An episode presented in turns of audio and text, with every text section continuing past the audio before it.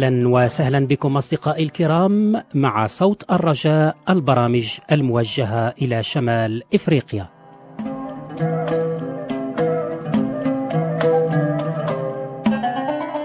معكم وراء الميكروفون صديقكم كريم صلاح وأذكركم بأننا نقدم عنوان محطتنا خلال بث هذا البرنامج الذي سيدوم ربع ساعة تقريبا.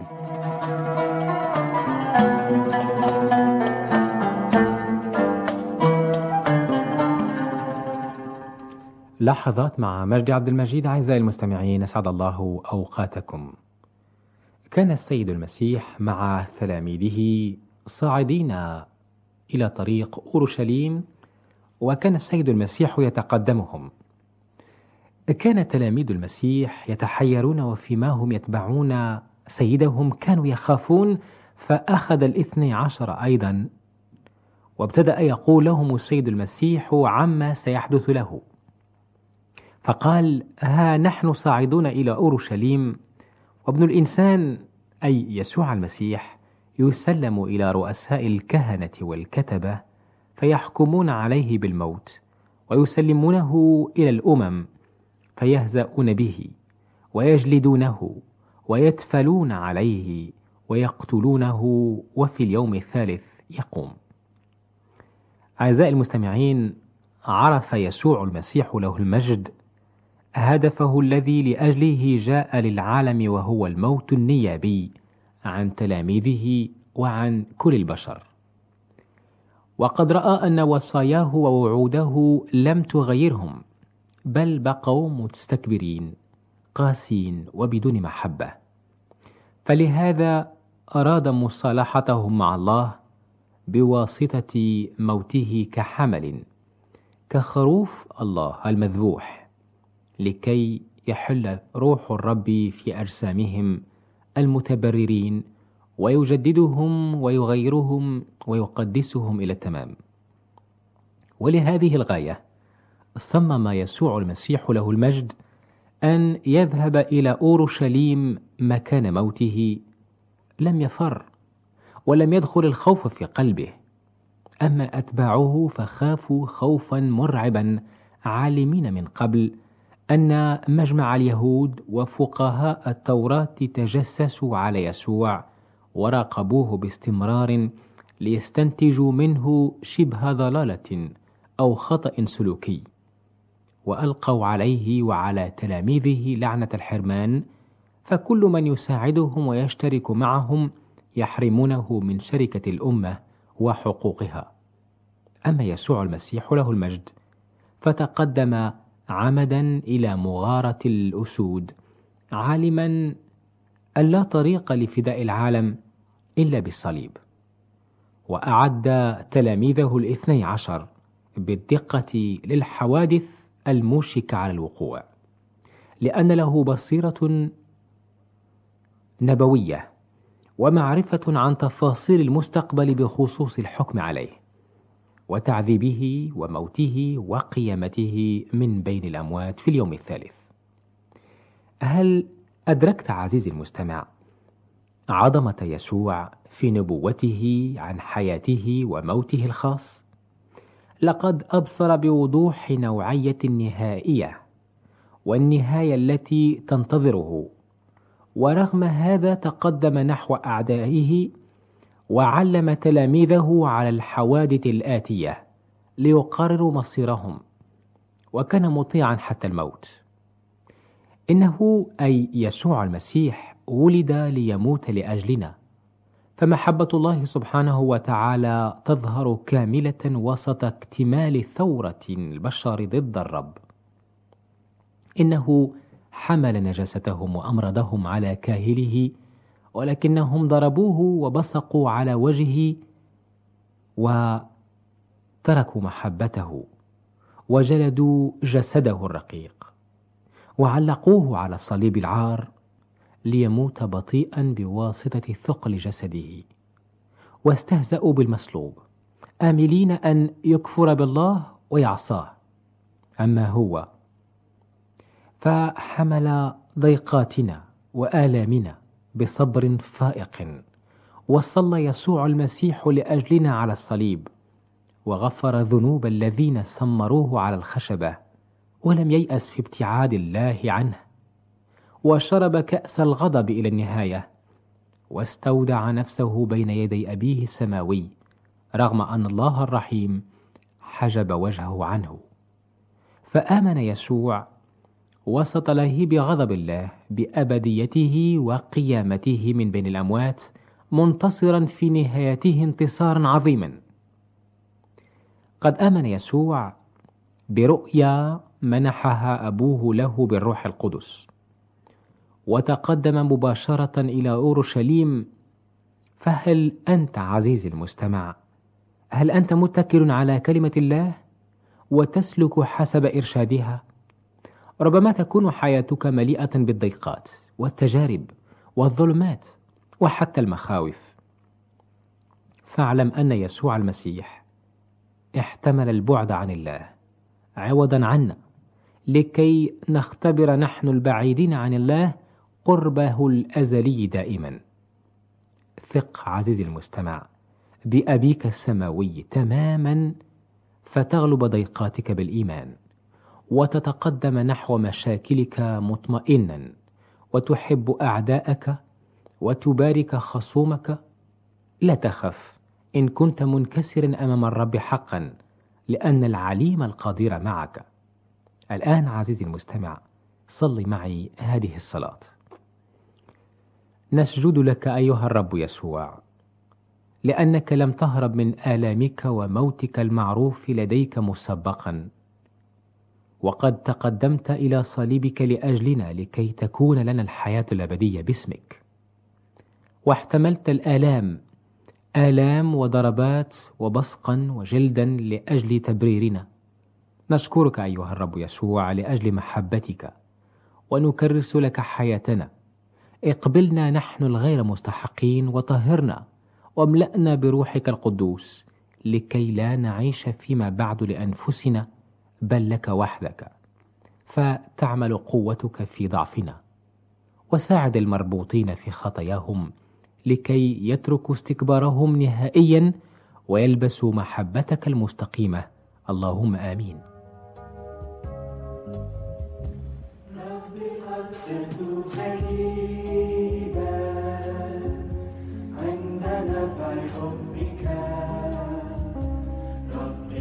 चलती रहे।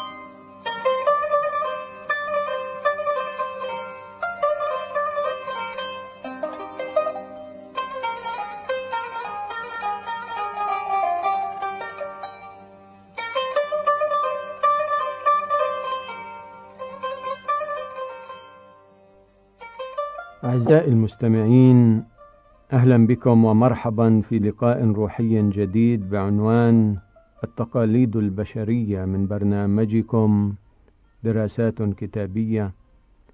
وفيه نجد تمسك الناس بالتقاليد البشرية والتي اعتبروها أحيانا فوق وصايا الله العشر نفسها. ولكن فاحص القلوب يدرك يقينا معنى هذا العمل الذي يسميه عبادة باطلة. أمنيتي لكم أعزائي الخير والبركة دائما. لقد ذاعت شهرة معجزة الأرغفة وإطعام الخمسة آلاف في كل مكان. ففي صبيحة اليوم التالي تقاطر الناس من كل الأنحاء إلى بيت صيدا لكي يروا يسوع وكان عدد الآتين كبيرا. فمنهم من جاء برا ومنهم من جاء عن طريق البحر. والذين كانوا قد تركوه في الليلة السابقة. عادوا إلى هنالك على أمل أن يجدوه.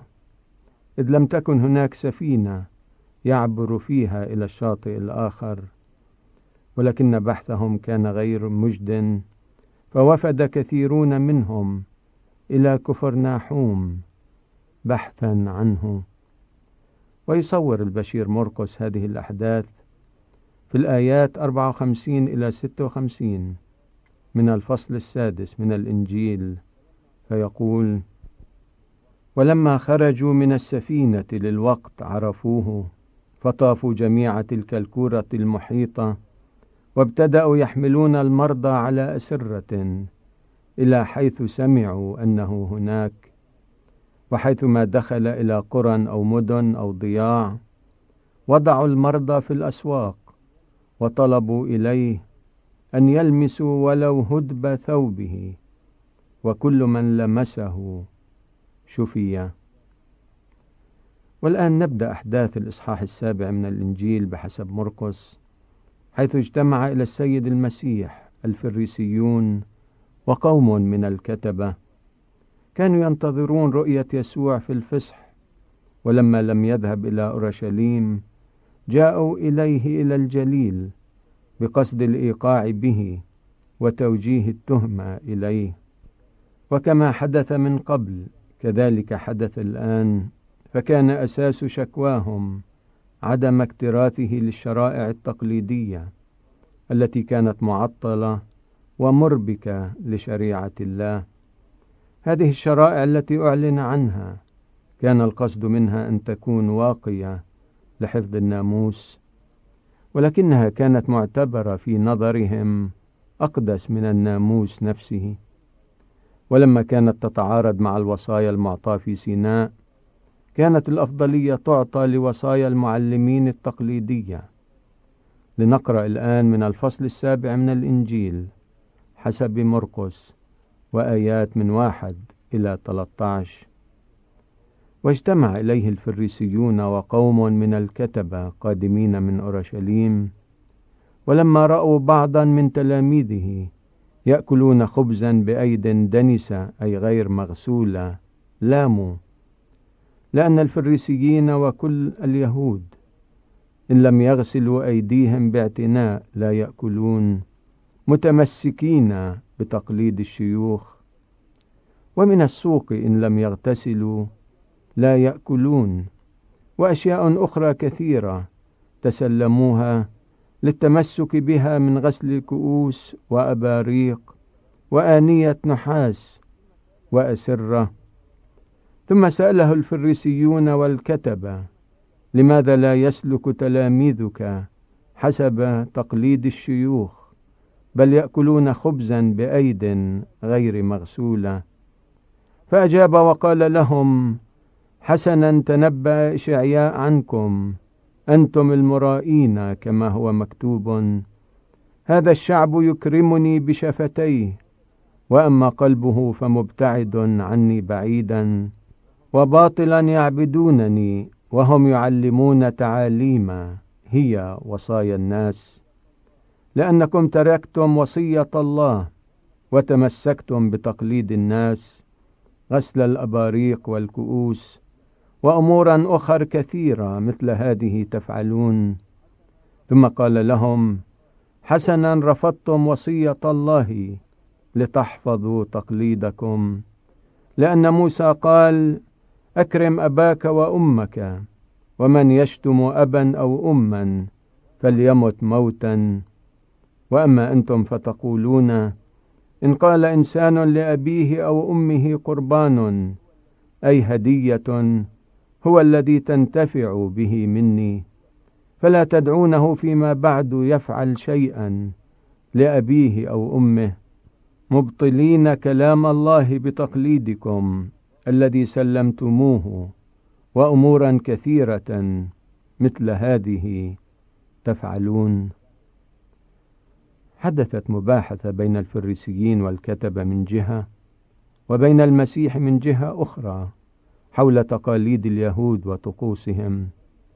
وقد ثارت المباحثة لأن تلاميذ المسيح لم يمارسوا الغسولات الطقسية المطلوبة قبل تناول الطعام. وقد اعتمدت تلك التقاليد على كيفية تفسير الكتبة للقوانين الروحية التي وضعها اليهود. ومعظم هذه القوانين جاءت في الفترة الواقعة بين عودة اليهود من الأسر البابلي وبين أيام يوحنا المعمدان. كانت تلك التقاليد تحمل في طياتها ذات القوة التي للمحاكم اليوم وهذا يفسر سبب شعور الفريسيين والكتبة بالمرارة تجاه المسيح عندما لم يتبع تقاليدهم المعهودة. وقد كان ضمن تلك الشرائع المفروض على الجميع حفظها بعد الشرائع الخاصة بالطهارة الطقسية. فإهمال تلك الطقوس التي كان ينبغي مراعاتها قبل الأكل كان يعتبر خطية هائلة لها جزاؤها في هذا العالم وفي العالم الآتي. وكانت القوانين الخاصة بالتطهير لا تعد ولا تحصى وبالكاد كانت فترة العمر كلها تكفي لأن يتعلم الإنسان تلك القوانين كلها. وكانت حياة من يحاولون حفظ مطالب المعلمين صراعا طويلا ضد النجاسة الطقسية. فكانوا يقومون بغسلات وتطهرات لا تنتهي. فإذا انشغل الناس في خلافات تافهة وممارسات لم يأمر الله بها ابتعدت قلوبهم عن مبادئ شريعته العظيمة. إن المسائل التي تهمنا أكثر من غيرها هي هذه هل أنا مؤمن بابن الله إيمانا خلاصيا؟ وهل حياتي منسجمة مع شريعة الله؟ لم يحاول يسوع أن يدافع عن نفسه أو عن تلاميذه ولم يشر إلى التهم الموجهة إليه. بل تقدم ليكشف عن الروح التي دفعت أولئك المتعصبين للدفاع عن الطقوس البشرية. لقد ألقوا بالوصية الخامسة التي تنص على إكرام الوالدين جانبا وكأن لا قيمة لها. ولكنهم كانوا حريصين أشد الحرص على حفظ تقاليد الشيوخ. لقد علموا الشعب أن تكريس أموالهم للهيكل هو واجب أكثر قدسية من إعالة والديهم وأنه مهما كانت حاجة الوالدين فإن تقديم أي جزء للأب أو الأم مما قد كرسوه للهيكل كان يعتبر تدنيسا للأقداس. امتلأ أولئك المبعوثون القادمون من أورشليم غضبا إنهم لم يستطيعوا أن يوجهوا إلى السيد المسيح. تهمة التعدي على شريعة الله المعطاة في سيناء لأنه دافع عنها وحارب تقاليدهم. أوضح يسوع للشعب كما أوضح لتلاميذه بعد ذلك بكيفية أكمل أن النجاسة لا تأتي من الخارج بل من الداخل. إن الطهارة والنجاسة هما شيئان يختصان بالنفس فالذي ينجس الإنسان ليس هو إهمال الطقوس الخارجية التي هي من صنع الناس ولكن الذي ينجسه هو الأعمال والأقوال والأفكار الشريرة والتعدي على شريعة الله. ليحترس كل من ينحنون أمام السلطة البشرية وعادات الكنيسة وتقاليد الآباء ولينتبهوا إلى إنذار المسيح القائل وباطلا يعبدونني وهم يعلمون تعاليم. هي وصايا الناس. اللهم ساعدنا أن نتمسك بوصاياك ونلهج بها بروح الطاعة. مدركين أنها مقياس الدينونة التي سيدان كل واحد بموجبها. أعطنا أن نكرمك يا الله فوق كل تقاليد بشرية. متمسكين بكلامك غذاء نفوسنا الروحي. لك اللهم كل سجود وإكرام مدى الأيام. حتى اللقاء القادم هذه تحية من ألقى السلام. وفي رعاية رب المجد نستودعكم.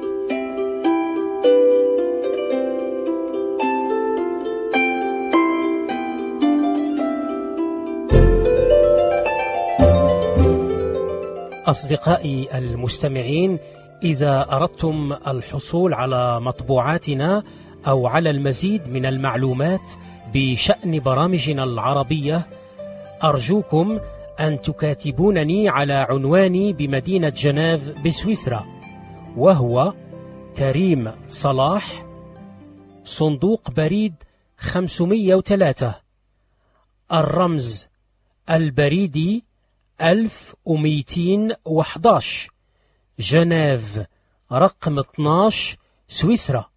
أرجوكم أن تكتبوا العنوان باللغة الفرنسية. كالتالي Karim Salah, case postale 503 1211 Genève 12 Suisse. مرة أخرى العنوان بالفرنسية. Karim Salah, case postale 503 1211 Genève 12 Suisse.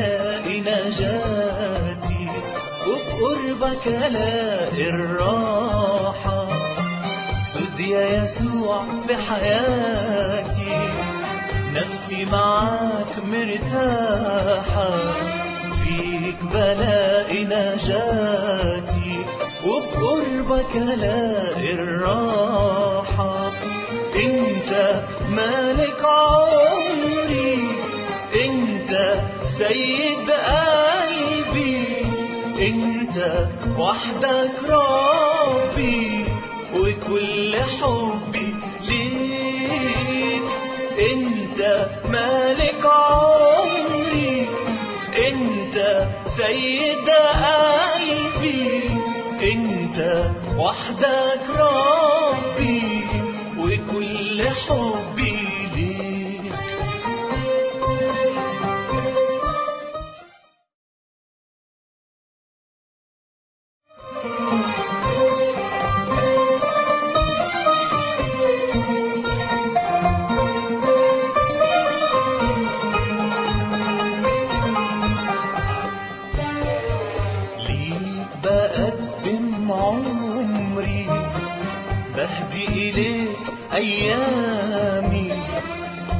وحدك مالك أمري وإنت سر سلامي. ليك بقدم عمري بهدي إليك أيامي.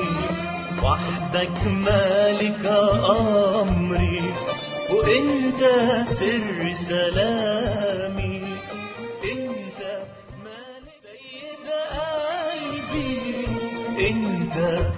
的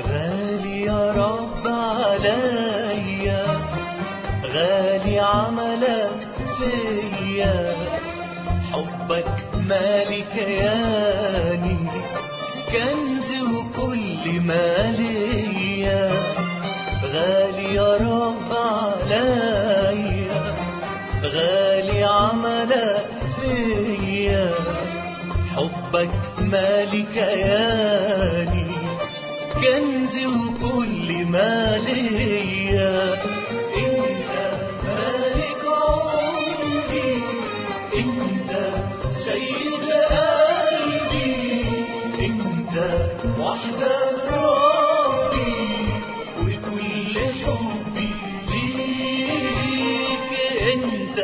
مالك عمري إنت سيد قلبي the